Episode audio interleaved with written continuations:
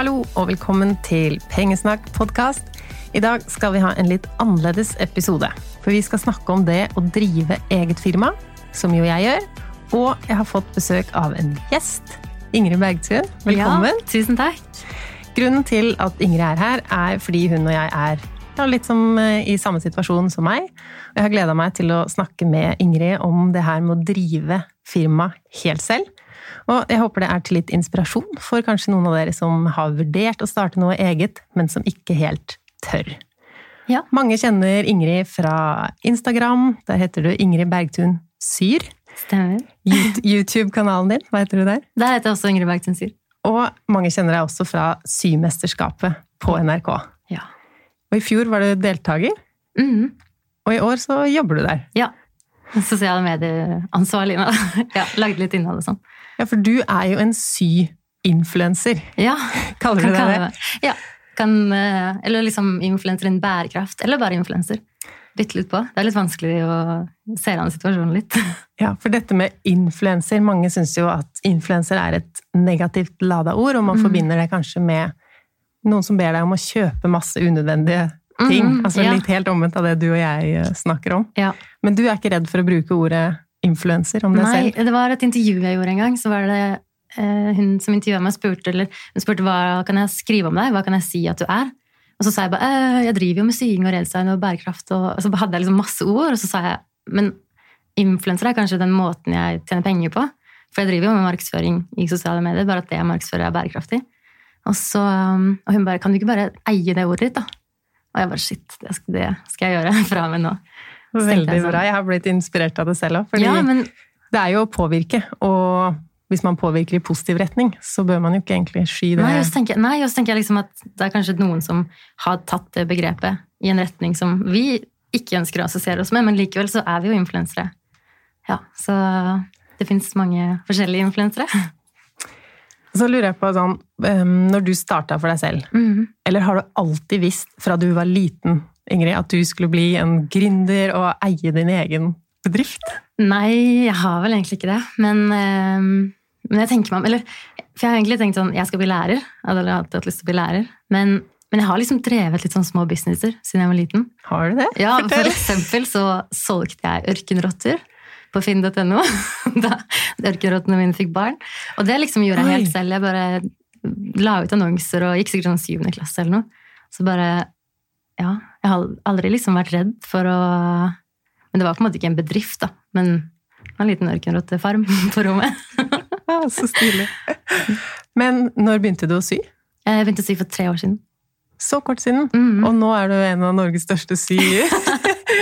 wow. Hvordan starta det? Det starta egentlig med at jeg følte at jeg trengte en hobby ved siden av. Jeg var ferdigutdanna lærer, og så ble hverdagen veldig sånn Jeg ble kasta inn i sånn voksen hverdag, følte jeg. Uten Det var på en måte hjem, jobb, og så se på TV, jobb. ja. Jeg følte det var veldig sånn kjedelig hverdag. Så tenkte jeg jeg må ha en hobby. Og så vurderte jeg å begynne på liksom et volleyballag eller et eller annet sånt noe. Så Men du så kunne endt så opp med noe ja, helt annet? Mm, Noe helt annet. Jeg var liksom, men jeg har alltid vært glad i sånn alt mulig kreativt. Maling, tegning. Jeg tror jeg hadde drevet med alt. Mm. Eh, og så fikk jeg en symaskin av farmor. Så tenkte jeg ok, det her det skal jeg gjøre. Jeg syntes det var dødsgøy å sy på barneskolen. Og var liksom sånn, prøvde å lære alt og prøvde å bli ferdig først. Og det var sånn. Um, Hva så- var det første du sydde da, når du fikk den uh, symaskinen? jeg tror det var, ja, jeg tror jeg prøvde meg liksom på et eller annet mønster eller et, et eller annet klær til meg selv. Sånn. Og det gikk jeg med på jobben, de klærne, selv om de var helt skeive i sømmene. Og jeg var så stolt. For det meste av det du syr, syr du jo til deg selv. ja. mhm. Egentlig er det businessen min basert på. For å inspirere andre da, til å si og ja.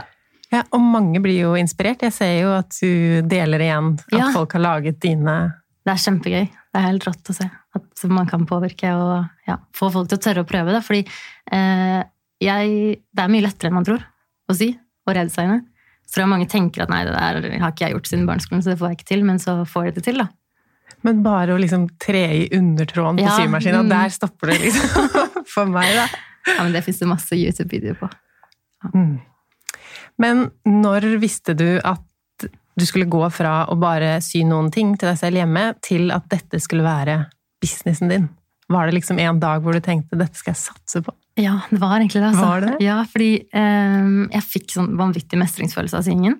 Og jeg tenkte sånn, det her er jo dritgøy. Tenk hvis det kunne blitt noe mer. Og så, um, et halvt år etter at jeg hadde begynt å sy, da hadde jeg sydd liksom hver dag. da. Jeg var etter jobb. Det ble Du hadde skikkelig dilla. Ja, det skikkelig og skikkelig ekte.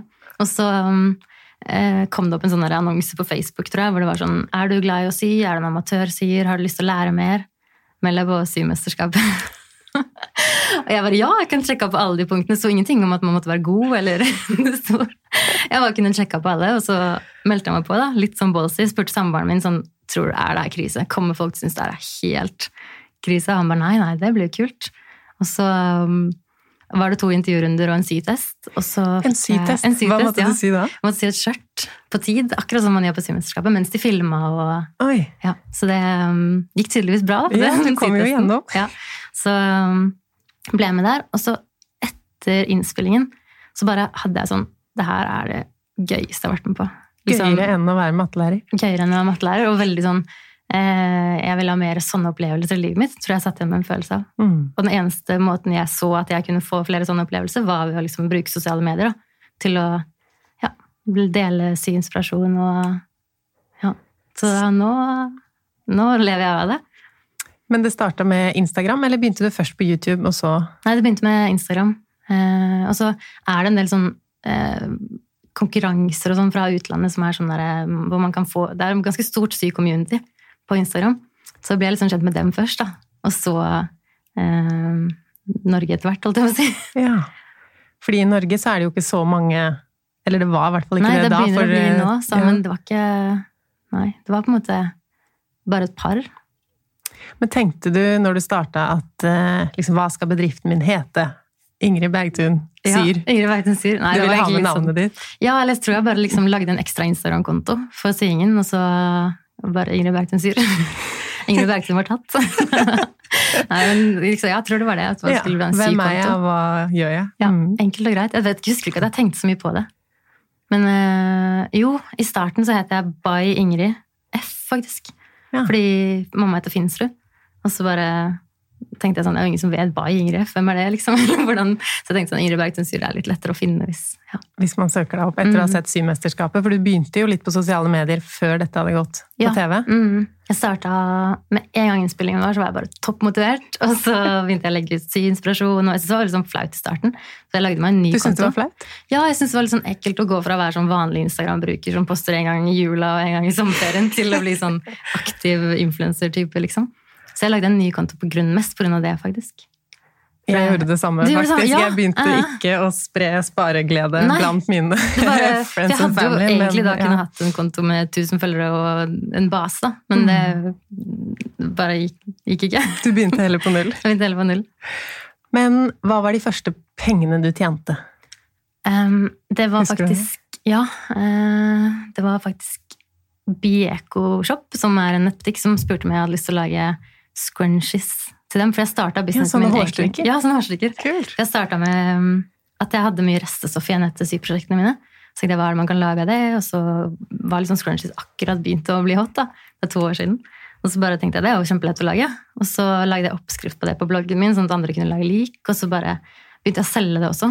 Så jeg tror scrunchie-salg var liksom det første. Og så um, har jeg noen venner som um, driver Storefjell hotell. Og der, de, der snakka jeg med dem bare «Ei, Kan ikke jeg selge scrunchiene mine i deres butikk? da? Det ser sånn pro ut. Og de bare ja, ja, herregud, gjør det. Og så fikk jeg liksom inn, solgte jeg sånn 30 scrunchies til dem som de kunne ha ved kassa. da. Sikkert sånn 20 kroner per scrunchie eller et eller annet. Sånn helt krisepris. Men eh, Men da tenkte du at yes, dette er businessen min, dette Ja, skal jeg leve av. det var planen. Ja, ja, ja. Eller det var liksom en start. Og Ja. så um, eh, tok etter det, så la jeg ut en post på Instagram bare 'Ingrid Bergtun syr i butikk'. liksom, helt sånn superstolt av det. Og så eh, tok faktisk Bieko Shop eh, kontakt, da. Og bare 'Hei, ser du selger scrunchies, kan du levere til oss også?' Og så, Wow. um, så det, jeg Men syr du fortsatt scrunchies? Ja, til dem. Men jeg bestemte meg etter hvert at jeg kan ikke ha flere eller jeg kan ikke være leverandør for flere, fordi det tar jo tid. Så Ja, jeg har tar liksom innimellom store bestillinger til dem. Wow. Som jeg sier opp. Men hva er det du fokuserer mest på nå? Er det dine egne mønster? Er det kursene dine? Det er kanskje en blanding av eh, kurs, markedsføring av bærekraftige ting, eller at jeg redesigner noe for noen, og eh, mønster. Og mønster, Ja. Men jeg kan jo ikke lage mønster selv, så der må vi ha noen til å eh, lage det, da. Ja, Så da gjør du det i samarbeid med Ja. noen? Mm. Eller kjøper du det? Um, gjør det i samarbeid. Mm. Ja. For nå som du Altså, du sa jo du jobbet på skole, Ja. men det gjør du ikke lenger. Nei, det gjør jeg ikke. Det er eh, Du hadde ikke tid til det? Nei, jeg begynte Det første året så kombinerte jeg det helt. Så gikk jeg ned til 60 stilling etter hvert, og så fulltid. Ja. Og hva gjorde at du liksom turte å ta det skrittet? Um, Nå er det jo ikke så lenge siden jeg sto akkurat der selv. Hva Ja, skal jeg gjøre nå? Jeg har Begge deler er jo gøy, Mhm. men jeg måtte velge. Ja. Nei, det var det jeg tenkte sånn For det krever jo Det var jo 200% jobber jeg hadde i det første halve året. Og da var jeg toppmotivert, så da gjorde meg egentlig ingenting å jobbe alltid helger, alltid, alltid kvelder. Men så merka jeg etter hvert at det begynte å tære litt. Så det gikk jeg ned til 60 stilling, og så tenkte jeg to dager i uka til å jobbe med sybusinessen. da. Og da begynte det å komme litt sånn forespørsler på kurs, foredrag, som gjorde at jeg trengte dagtiden også.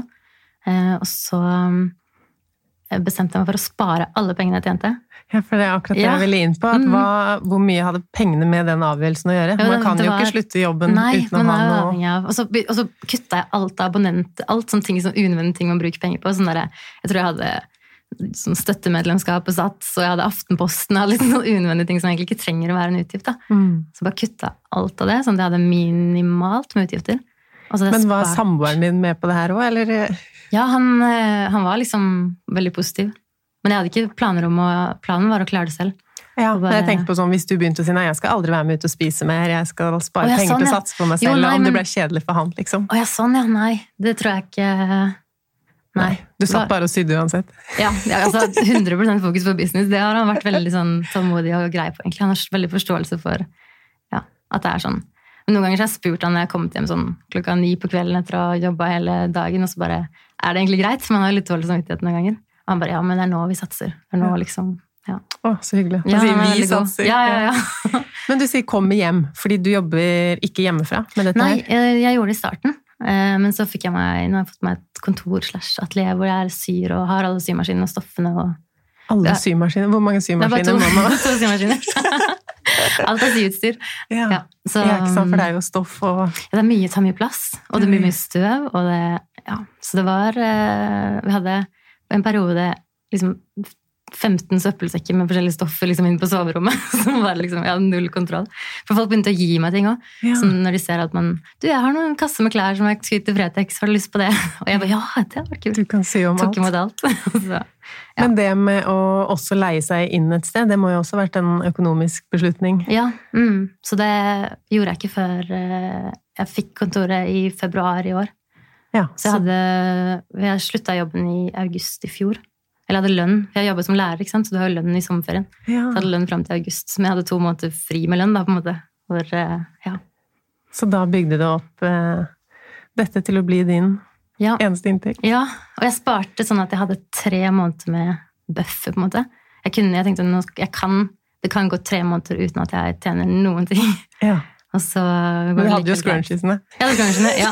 Altså, det er alltid, man finner alltid måter. Og det jeg følte når jeg skulle ta steget, var jo at hvis jeg bare hadde hatt én ting, på en måte, hvis det Mhm. bare var podkasten, og jeg måtte tjene penger på den, Ja. så hadde jeg ikke kunnet gjort det. Men Nei. når jeg også hadde jeg begynte å holde foredrag, jeg gjør mm. forskjellige ting Ja. innenfor det samme, da, så klart, men jeg var ikke avhengig av Nei, at bloggen sant? skulle ha masse reklame, eller mm at det var flere ting som Nei, for det er jo kanskje det vanskeligste i starten, før man, før man på en måte ja, får folk med på det. Så nei, det skjønner jeg. Det var lurt. Jeg så hadde Det var lurt. Ja. Fordi hvis man skal tjene penger på noe, så tar det jo tid. Mm, Altså å bygge opp noe tar tid. det gjør det. Og uh, man leser jo av og til som man må bare kaste seg ut i gründertilværelsen. Mm. Er du enig i det? Jeg gjorde jo ikke det, egentlig. Eller jeg bygde jo opp mens jeg jobba fulltid samtidig. Jeg tror, Ja. at, jeg tror heller på at man må jobbe, man må forberede på å jobbe beinhardt og mye. Ja. Og dedikere veldig mye tid til, eh, til businessen, heller enn å bare kaste seg ut i Ja, det, jeg, var, jeg er jo helt lik deg, at jeg heller jobba altfor mye en stund. Ja. Men da så jeg i hvert fall at folk er interessert i sparinga mi og Mhm. syinga di, da, så man vet at Ja. Men liksom på et eller annet tidspunkt så må man jo kaste seg ut i Men ja.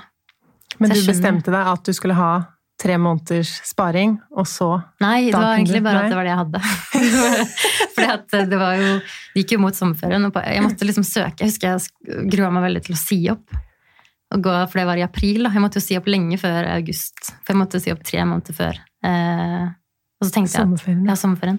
Og så, um, ja, så jeg bare sa opp. Eller gikk inn på kontoret og liksom tøffa meg opp for å si opp. Og så bare sa hun rektoren hun bare, men Ingrid, du vil ikke bare ha et års permisjon istedenfor, da? Så kan du ha litt trygghet, liksom. Kan du komme tilbake hvis, ja. Så det sa jeg ja til. Men i praksis er det egentlig ikke så stor forskjell på permisjon og å si opp. fordi at hvis ikke du fullfører året Du har ikke jobben før til sommeren igjen uansett. For de må jo finne noen andre til å erstatte. Så, um, men det ga meg i hvert fall en litt sånn trygghet. Så kunne jeg fortsatt bruke hjem, jobb, hjem og alle de tjenestene. som Billig buss og sånn. Vi har jo diskutert det her med prising før. For vi er jo Instagram-venner, Ja, kan vi si liksom, sånn. ja, vi er Instagram-venner. Og det var jo litt sånn Vi fant ut at vi skulle spille inn denne episoden her. Ja. Fordi vi, ja. For det syns jeg er så vanskelig. Mm, Og liksom første gang noen ringte meg og sa du, vil du holde foredrag om eh, sparing, mm, hva tar du i honorar? Ja. Og jeg visste jo ikke. Hva koster et foredrag?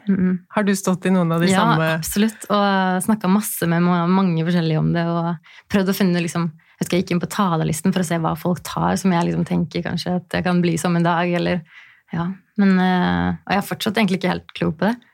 Men, eh, men jeg føler at jeg tar eh, liksom Jeg ligger nærmere den verdien jeg har nå, kanskje, enn i starten, i hvert fall. Ja, for hva tok du i starten? Når noen spurte første, hva tar du i honorar?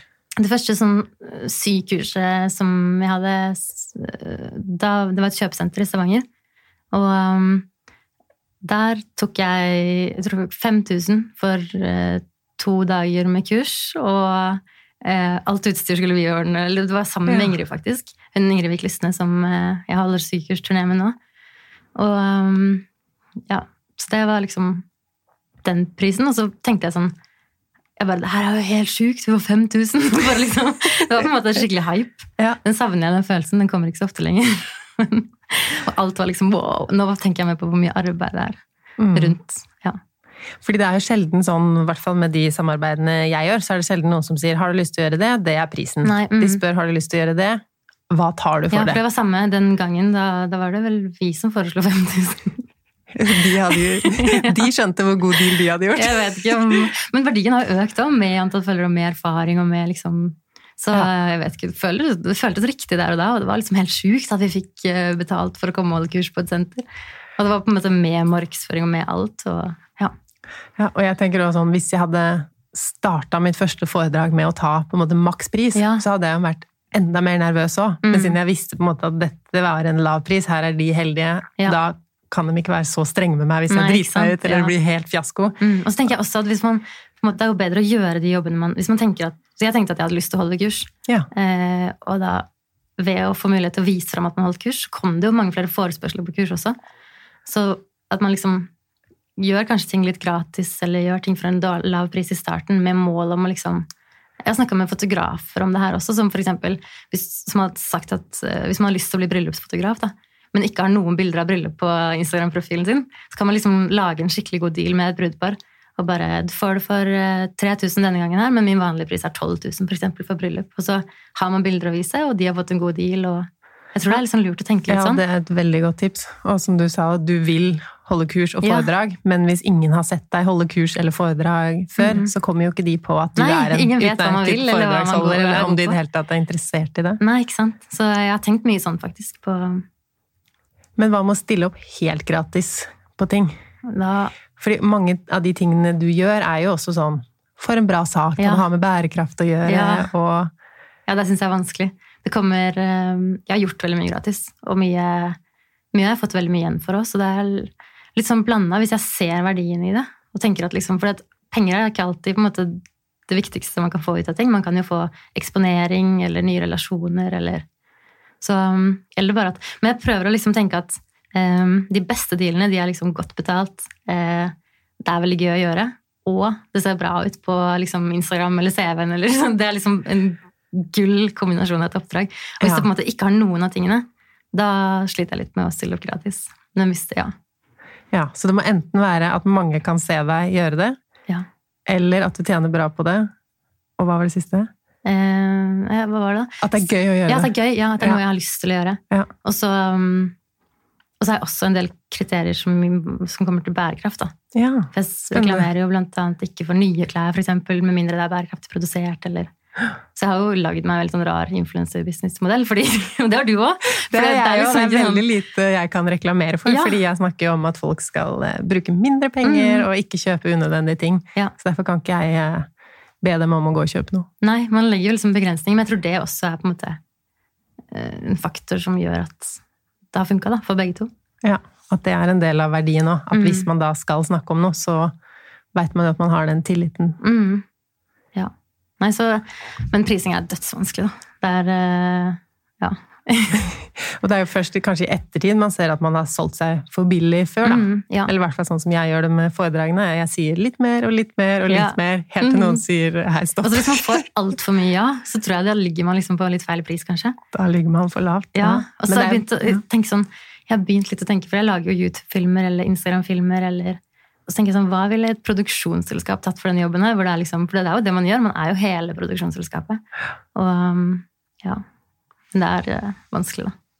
Men hva med sånn arbeidsdagen din? Du driver jo og syr, og så driver du med markedsføring. Ja. Men så er du jo også din egen sjef. Det er jo du Ja. som eh, snakker på mail med, eller telefon med de som skal eh, Altså annonsører og andre Mm. ting. Men også regnskapet. Du fører det selv. Ja, jeg gjør det. Du gjør alt? Faktisk, ja, jeg gjør alt. Men jeg har en som hjelper meg med å administrere kurs. Ja. Så hvis jeg blir booka til kurs, så spør jeg henne om hun har kapasitet til å organisere det, eller Og så tar hun 20% kutt, da. ja. Av, eh, så det har sånn, vært veldig, veldig avlastning. Fordi du bruker tiden din bedre på å faktisk si eller ja, være for på jeg merker sosiale at jeg har begynte så sinnssykt mye tid på mailer. Og prate med folk og avtaler. Og det, det liksom, og det er jo ikke noe gøy for folk å se på sosiale medier. Så den liksom Her sitter jeg og sender en mail til. Ja, sant. Det er liksom ikke den delen av Jeg ikke merke at hun sier det. Men eh, er det ikke vanskelig å føre sitt eget regnskap? Eh, Nei, det syns jeg ikke. Jeg syns det var litt tricky i starten. Kanskje, og mye ord og fremmedord og ting å sette seg inn i. Men nå, ja, nå syns jeg det går greit. Jeg bruker fiken. Jeg bruker også også? fiken. Ja. Ja. Og det var kanskje litt sånn vanskelig før jeg begynte med det. At jeg tenkte oi, skal jeg sende faktura? Hvordan gjør man Mm, egentlig det her? Ja, Og så får man et program som hjelper deg med det, og så Ja. føler jeg sånn Ja, og liksom sånn friste for moms. Og hvis man bare, jeg var på sånn kurs med næringsoppgaven for å vite at jeg gjorde det riktig. Ja. Og så ja, jeg har blitt flinkere til å føre utgifter, for det var jeg ikke så god på i starten. Så jeg har sikkert mye, kunne betalt mye mindre skatt for i fjor, eksempel. Eller, men jeg ja, har ikke gått på noen kjempestore smeller foreløpig. Nei, for det er jo en fordel med altså både din bedrift og min bedrift, at Mhm. når vi starta for oss selv, så trengte vi ikke å investere en voldsom sum i Nei. et varelager, eller vi åpna jo ikke noe butikk eller hadde noen sånn Nei. fysiske ting som kosta. Så det merka i hvert fall for meg at det var lettere Altså jeg måtte ikke ta en kjempestor risiko. Nei, det samme her egentlig. Og så jeg har jo egentlig veldig få utgifter. Annet enn kanskje eh, litt reising her og der. Liksom sånne ting som for å komme meg til et sted, eller eller stoff til syprosjektene. Ja. For du syr ikke bare med gjenbruksstoff? Eller kjøper du gjenbruksstoff òg? Jeg kjøper gjenbruksstoff Ja. Mm. Mm. Men det er jo ganske rimelig, da. Så det er ikke de verste utgiftene. Ehm, tilbake litt til det med gratis jobbing og eksponering og sånn som Ja. intervjuer. Sier du alltid ja til alle intervjuer? Eh, ja, det prøver jeg. Det prioriterer jeg høyt. Ja. Ja. Takk for at du kom. nei, nei, nei. Men eh, nei, her var det jo kanskje jeg som innsja på denne podkastinnspillingen her. Så det er så spennende å snakke om. Men eh, ja, det prøver jeg faktisk å si. At også alle sånn studenter og Ja, det er en del sånn Denne uka her så var det en studentpodkast i Bø. Ja. Og eh, en som Måtte du reise skrev dit? da? Nei, det var telefonintervju. Ja, kult. Og så var det en som spurte om jeg kunne svare på noen spørsmål på min sånn eksamensoppgaven hennes. Hun hadde markedsføring som ja, Ja. Jeg syns det er veldig kjekt, jeg. Så det tar jo ikke som regel ikke så lang tid heller. Nei, noen ganger tar det jo litt tid, jeg har liksom Ja. lurt på det òg, men uh, så tenker jeg at man veit aldri heller altså hvor stort et intervju og sånn høres høres ut. da. Mm Mhm. nå skal du på God morgen Norge, eller et eller annet stort. Ja. Så gir kanskje ikke det så mye nye følgere enn Mm. Eller jeg har i hvert fall tenkt på det sånn at hvis noen på Instagram, eller at det følger lettere fram medie til medie, da. At Ja. hvis det står om meg på en eller annen nettside, så er det Mm. mye lettere å klikke seg inn på pengesnakk.no. ja, ikke? Og hvis jeg er på en podkast, så merker jeg at det er flere som hører på min podkast Ja, etterpå. skjønner. Men hvis jeg er på TV Men du var jo på TV og fikk Ja. mange fans. Ja. Ja, så det er kanskje ikke den- noe automatikk i Jeg vet ikke. Da jeg var på God morgen Norge, så viste de liksom Instagram-profilen min. Og da på de som, jeg sjekka mobilen min fem, med fem minutters mellomrom, og så var det liksom 1200 nye folk. Jeg, bare, «Å, det her var mitt publikum, tydeligvis. Det var helt Ja, for det var ikke mitt publikum. Nei. jeg var på God morgen Norge, fikk jeg kanskje 40 nye Er det sant? Jeg ble helt i sjokk. Og så var det liksom ingen flere utover dagen. Det var de fem, minutters, fem minuttene, liksom. Og så en gang når de viste det en gang igjen klokka ti, eller hva det var. Ja, ikke sant? Da kom det- på nytt. Ja, det var helt sjukt. Bare, men det, det visste jeg litt også fra før. Jeg hadde en følelse på at God morgen Norge-publikummet Kanskje de er litt interessert i si. ja. Ja. Så det var litt sånn mål for meg faktisk å komme på God morgen Norge. Og nå har du oppnådd det. Ja. mm Kult. Har du noen andre sånn mål for businessen din, eller da du starta? Hadde du noe sånn ja, jeg hadde ganske sånn konkrete mål sånn, eh, som jeg prøvde å jobbe etter.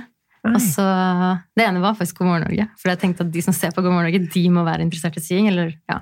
Ja, Men da tenkte ikke, du jo men- mer på God morgen Norge som et steg i businessen Ja. for å få flere følgere, ikke som et Nei, mål i nei, seg ikke sånn ja. da har jeg oppnådd Nei, det var på en måte så kanskje mål, ja. Målet var på en måte å nå ut folk med eh, Instagram-kontoen min. Inspirere nye folk til å ja, leve med bærekraftig eller sy og redesigne. Og, ja. og så var det egentlig Grunnen til at jeg starta, var fordi at jeg syns innspillingen av Symesterskapet var så sinnssykt gøy. Så jeg hadde lyst på flere sånne opplevelser. Så det er på en måte kanskje hele veien målet. Å bare gjøre liksom gøye ting. Spille en podkast, det er jo kjempegøy. Jesus, det er kjempegøy. ja. Men har du også sånne mål på inntekter? Liksom Har du satt deg ja, Ja. Nå vet du at du kan leve av det, på en Mhm. måte, eller er det fortsatt et mål? Eh, nei, altså, jeg er ganske um, Målet er å tjene penger det er mål, Målet er hele veien å tjene, ja, tjene penger, på en måte. Så Ja, for jeg har jo ikke drevet så lenge for meg selv, mm. så jeg er fortsatt liksom sånn neste måned og neste måned, og Ja. er dette en business, eller er det det Mm. ikke? Liksom Men det er, jeg tror aldri man blir kvitt den følelsen av at man ikke, helt, at man ikke vet tre måneder fram i tid hva man kommer til å tjene. Men jeg har begynt å forsone meg litt med at det kommer, dukker opp ting. Og noen måneder er jeg har noen måneder som alltid er skikkelig gode. Eller nå har jeg holdt på ikke så lenge. som har vært gode begge årene jeg har holdt på. Ja. Hvilke det måter er bra for sybusiness? September er sjukt bra for sybusiness. Og eh, ja, september og oktober. Og så har det vært sånn mars også. Mai. Hva er dårlige måneder, da? Midt i Eh, sommerferien? ja, juni. Det er veldig dårlig måned, eller dårlig måned for penger Mm. midt i sommerferien, men veldig bra måned for da har folk tid til å sy. og... ja, det er sant. For det var sånn Rett før sommerferien så fikk jeg sykt mange meldinger som var sånn der, å, jeg, det kribler, men jeg har eksamen i neste uke. så jeg skal, liksom sånn. Jeg, Ja. ja, man glemmer jo litt hva slags hverdag folk har. sånn, folk kan jo ikke bare sy Nei. hele tiden. Nei, ikke sant. Og der er det nok litt forskjellig på, eh, på min og din Ja. business, da, at det er ikke akkurat i juli de sparer mest. Nei, Nei ikke sant? Da, Men det de kanskje har tid til å sy. Ja. Blir du er motivert av Hva blir du motivert av?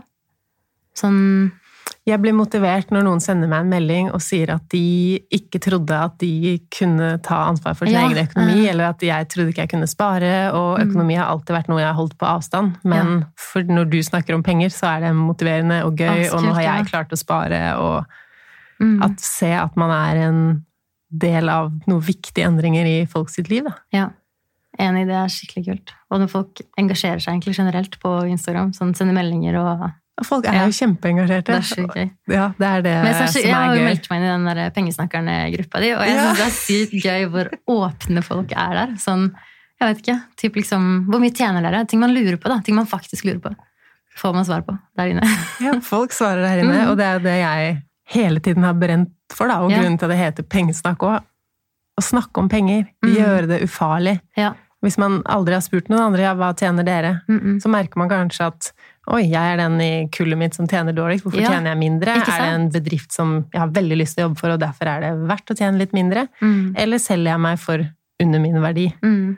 Ja, for det er dødsviktig. Jeg har alltid snakka mye med Eller har hatt veldig behov for å snakke med folk i den fasen av Og så merker jeg jo sånn Eksempel pappa og mamma, da, som jeg har snakka en del med om alt mulig annet. De bare de kan ikke sette seg inn i situasjonen min i det hele tatt når det kommer til hvor mye jeg skal ta for et foredrag. eller Det er jo ikke så mange som kan det, men Men det er er veldig måte- få som kan det. ja. Og så har det liksom vært sånn Så det har vært kjempedigg å ha sånn, ja, ja, sånn Instagram-venner som man blir kjent med, og som man kan liksom spørre om. Ja, for det er så få som er på en måte i den samme Altså et foredrag Mange holder jo foredrag gjennom jobb, på en måte, Mm. og da stiller man jo opp gratis fordi det er en del av jobben, og også Ja. promotere jobben. Mm. Men uh, for oss så er det jo det som er businessen. Ja, ikke sant?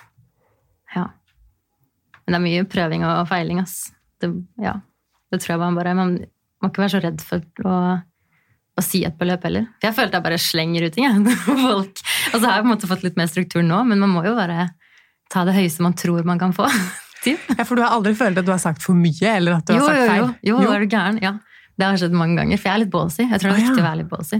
Da har jeg sikkert litt å lære av det. Nei, men jeg vet ikke. Jeg var litt sånn uredd på eh, Ja, det var for eksempel den Husker du den innlegget jeg la ut da vi begynte å snakke om Det her? Det var sikkert da vi begynte å snakke om det. Ja, Mm. for da, det var eh, noen, noen jeg samarbeida med som jeg hadde fått en fast avtale med, hvor jeg skrev et blogginnlegg og um, markedsførte det.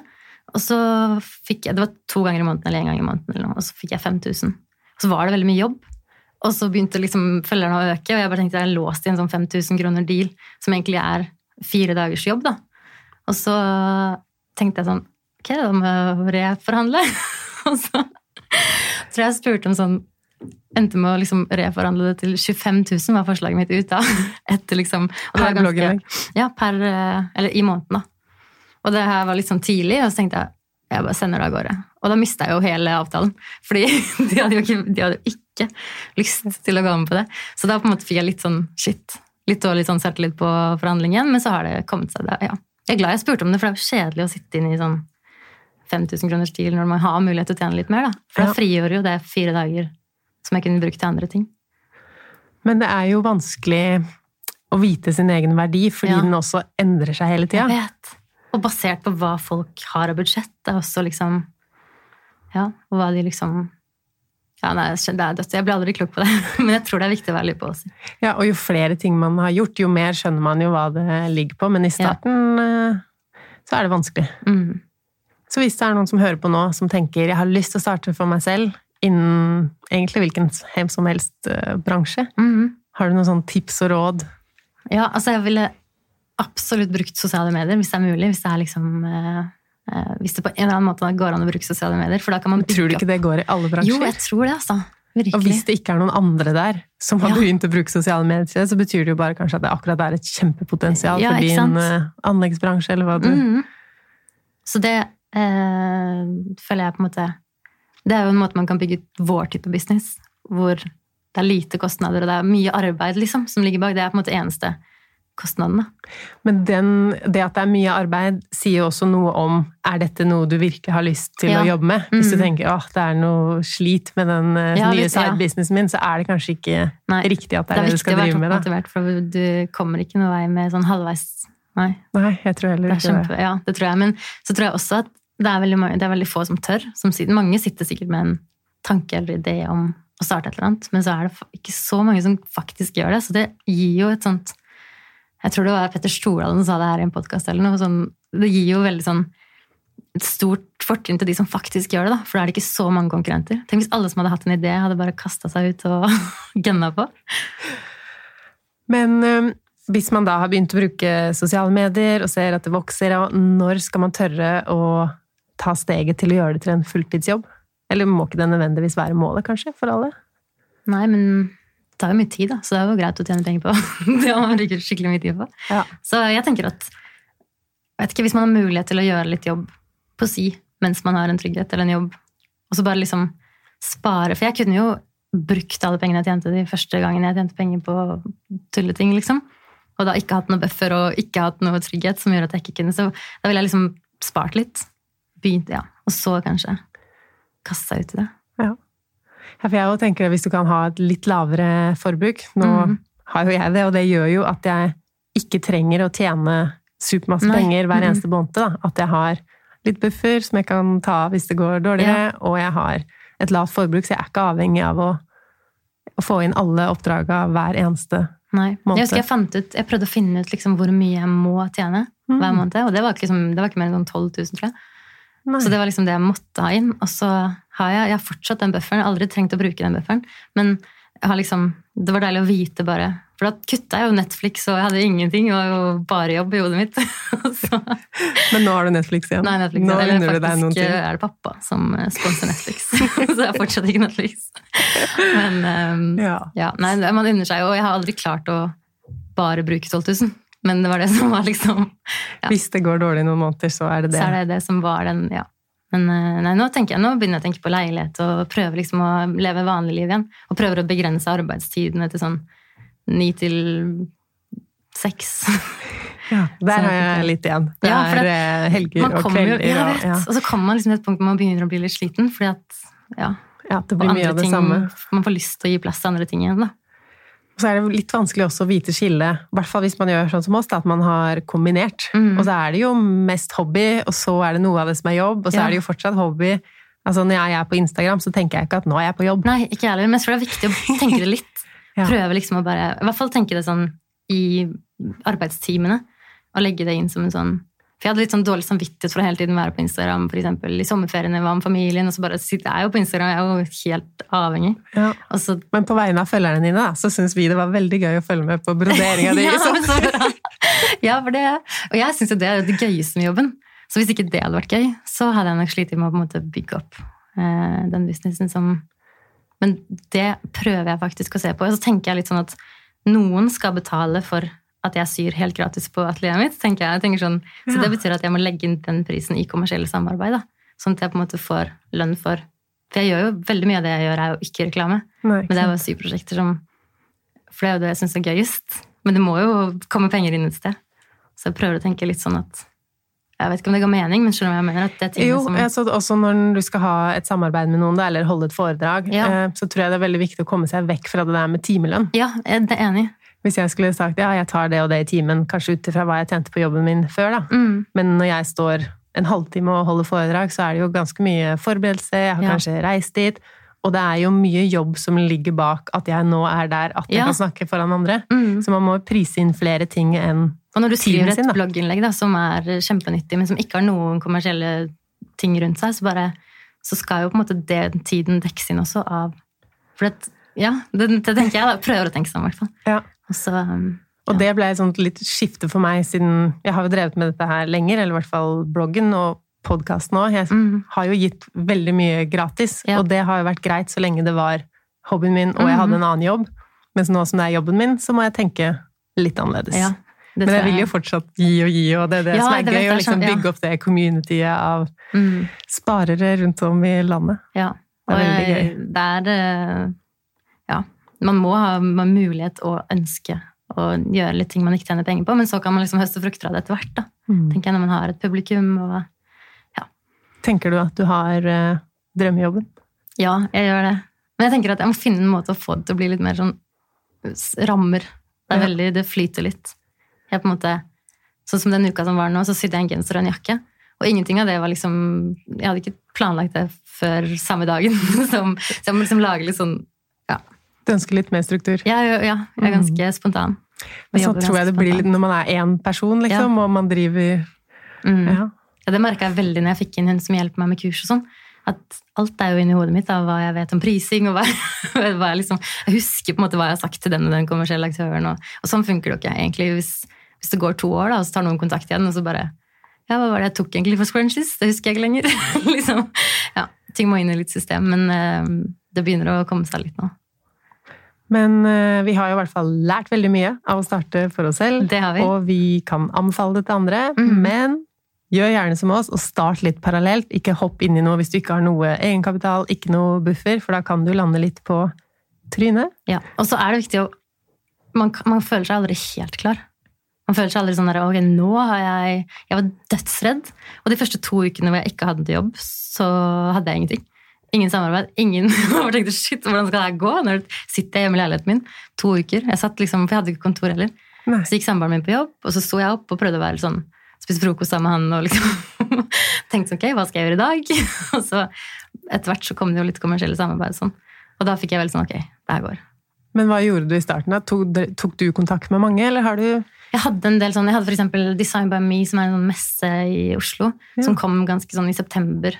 Det første, For jeg slutta jo jobben i august, eller hadde ikke lønn mer fra august. Ja. Og så, um, så var de ukene fram mot Design by Me som jeg bare syntes var helt tomme. og ja. Men um, så det begynte å komme ting, og så kom det forespørsler etter hvert, og så begynte jeg å pitche litt ideer, og så ja. Så en blanding Ja. av pitching og Og at du blir eh, kontakt. etterspurt. Ja. Mm. Veldig inspirerende å prate med deg. Det Jeg har lært eh, noen ting. Jeg skal bli litt tøffere på prising, Ja, og kan du. kanskje ta litt mer eh, initiativ selv til ting. Ja. Sånn som eh, foredragene mine, sånn, så sitter jeg og venter på at noen skal spørre meg. Ja. ja, men det, du blir jo Men så lenge de gjør det, Ja, så- de gjør. ja, for man skal ha tid til det. nå, ja. Men jeg syns det er viktig for å, liksom, for å kunne forme hvor man vil hen. Mm. Fordi da vi la ut den kursturneren som jeg holder på med nå, så har jeg fått over 15 forespørsler på kurs. Og jeg tenkte Om å holde nye kurs? Ja, nye kurs. Andre oh, typer wow. sånn klubber eller um, foreninger. Liksom, ja, litt sånn små kurs rundt omkring i Norge, da. Og så sa jeg først ja til alt, og så tenkte jeg herregud, jeg skal jo ikke bare holde kurs. jeg skal gjøre andre. Så bestemte jeg meg for nå, jeg er fullboka ut desember, og så må man liksom sette av litt tid til eksempel Jeg har sånn noen timer i uka som er, som er liksom satt av til nye ideer og pitching. Bare fordi jeg vil forme businessen min selv. Jeg vil ikke liksom bli dratt i alle retninger da, av forespørsler. Jeg tror det er viktig. Ja, du ja, har kommet tror- lenger enn meg. Altså. Nei, men du kan liksom- si nei til ting, du kan forme selv. Nei, men, men jeg jeg føler føler jo liksom at jeg former mye av det jeg gjør selv, Ja. men uh, når det gjelder de tingene jeg tjener penger på, så former Men jeg hvis du hadde fått en sånn forespørsel av for eksempel en eller annen kommersiell aktør som ønska at du skulle be følgerne dine om å kjøpe noe da, nytt Mm. Noe ja, ja, det får jeg ofte, men det sier jeg nei til ja, altså, du, er, du former jo, du gjør jo det. Jeg tror du bare glemmer det. Kanskje det, men det ligger så Det er så klart for meg at jeg skal Ja. si nei til eh, det. Mm. Men det tror jeg, ja. Det tror jeg er viktig. Og det tror jeg på en måte man glemmer litt. Det er en viktig del av det. Ja.